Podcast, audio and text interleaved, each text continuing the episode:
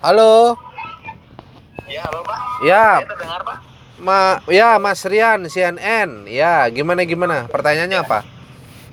Pertanyaannya untuk minggu ini kira-kira Pak indeks harga sa indeks harga saham gabungan atau IHSG kira-kira bakal bergerak di rentang support dan resisten berapa ya Pak? Oke. Supportnya ada di angka 6.890. Kemudian resistennya ada di angka 6.985. Jadi peluang indeks itu uh, cenderung menguat Uh, sementara uh, volatilitas dari harga komoditi masih jadi pemicu utamanya untuk indeks harga saham gabungan dan sektor yang memperoleh sentimen dari menguatnya harga komoditi itu adalah energi. Energi ya ya? Ya. Kalau selain itu Pak, sentimen-sentimen lain yang akan mewarnai IHSG sendiri apalagi ya Pak? Khususnya dari luar dan dalam negeri Pak, apalagi ya kira-kira? Selain prioritas harga itu.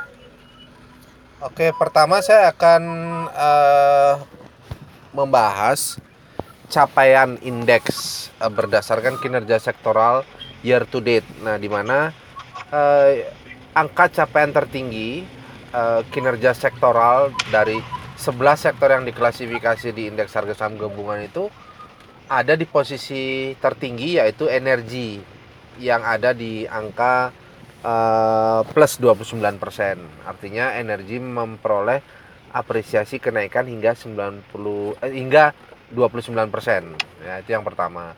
Kemudian yang kedua, sektor dengan pertumbuhan yang masih uh, memiliki potensi dalam jangka pendek hingga menengah itu adalah perbankan.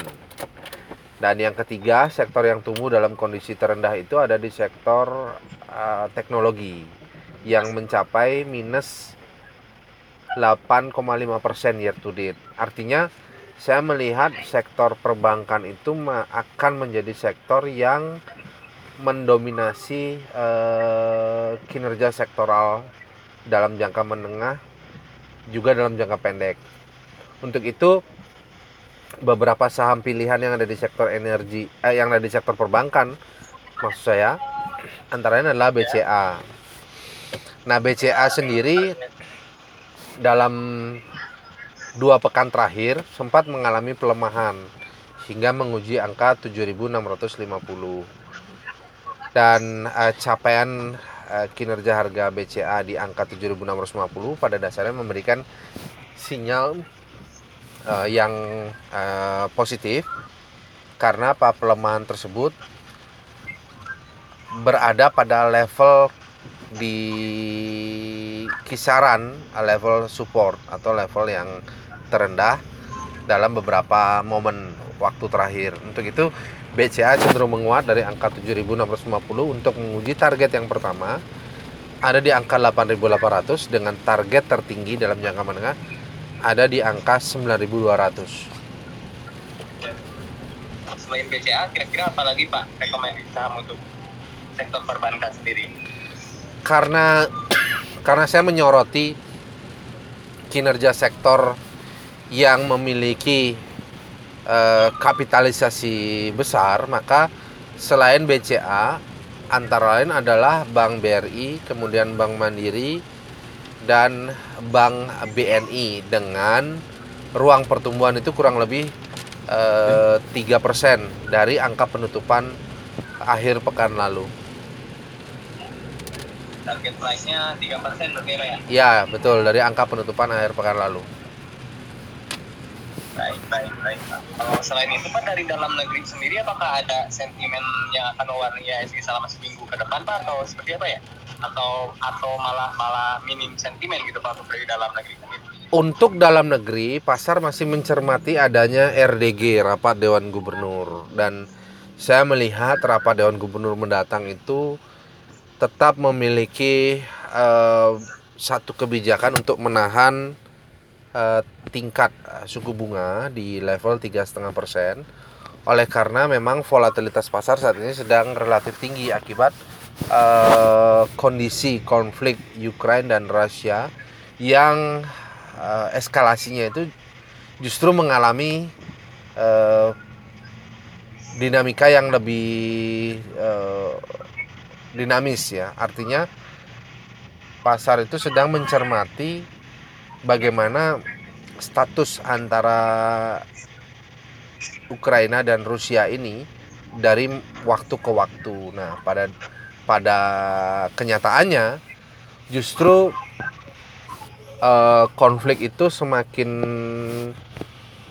uh, dominan di mana adanya uh, pembekuan aset, kemudian di mana adanya pemblokiran rekening lintas pemangku kepentingan di antara dua negara, bahkan ada intervensi dan sebagainya. Jadi uh, ini akan menjadi satu uh, poin yang mengakibatkan tingginya volatilitas. Nah, tingginya volatilitas itu uh, sudah dapat dibaca dari dua parameter. Pertama adalah kinerja crude oil WTI yang dalam dua minggu terakhir itu menguat dari angka 98 US dollar per barrel menjadi uh, 124 US dollar per barrel pada pekan kemarin. Nah, menguatnya harga minyak itu memungkinkan bahwa minyak dapat mengalami uh, kenaikan yang akan datang. Oleh karena konflik yang terjadi saat ini itu memberikan refleksi terhadap kejadian harga minyak di tahun 2009 dan 2008 sebelumnya di mana pada saat itu minyak sempat menguat di level 130 US dollar per barrel. Nah, jadi itu yang pertama. Kemudian yang kedua, harga emas. Harga emas tertinggi sepanjang sejarah adalah 2000 US dollar per troy ounce. Pada faktanya, pekan lalu harga emas menguat di angka 2025 US dollar per troy ounce. Nah, itu menjadi salah satu indikator uh, bahwa volatilitas ke depan akan uh, cukup tinggi. Yang yang di mana itu mendorong sentimen indeks justru untuk dapat menguji level uh, 7000. Jadi sentimen positif berarti apa ya? Ya, sentimen positif karena volatilitas Kemudian Pak untuk rekomendasi sahamnya selain yang tadi sektor-sektor perbankan kira-kira ada lagi nggak Pak? Sementara saya memberikan rekomendasi uh, eh, BCA beli, kemudian BRI, BNI, uh, eh, BBCA ya uh, termasuk Mandiri ya. Nah, sektor pilihan berikutnya adalah uh, consumer cyclical. Nah, consumer cyclical Nah, ada beberapa uh, sektor yang berhubungan dengan consumer cyclical itu adalah sektor yang bergerak di bidang televisi. Nah, consumer ya?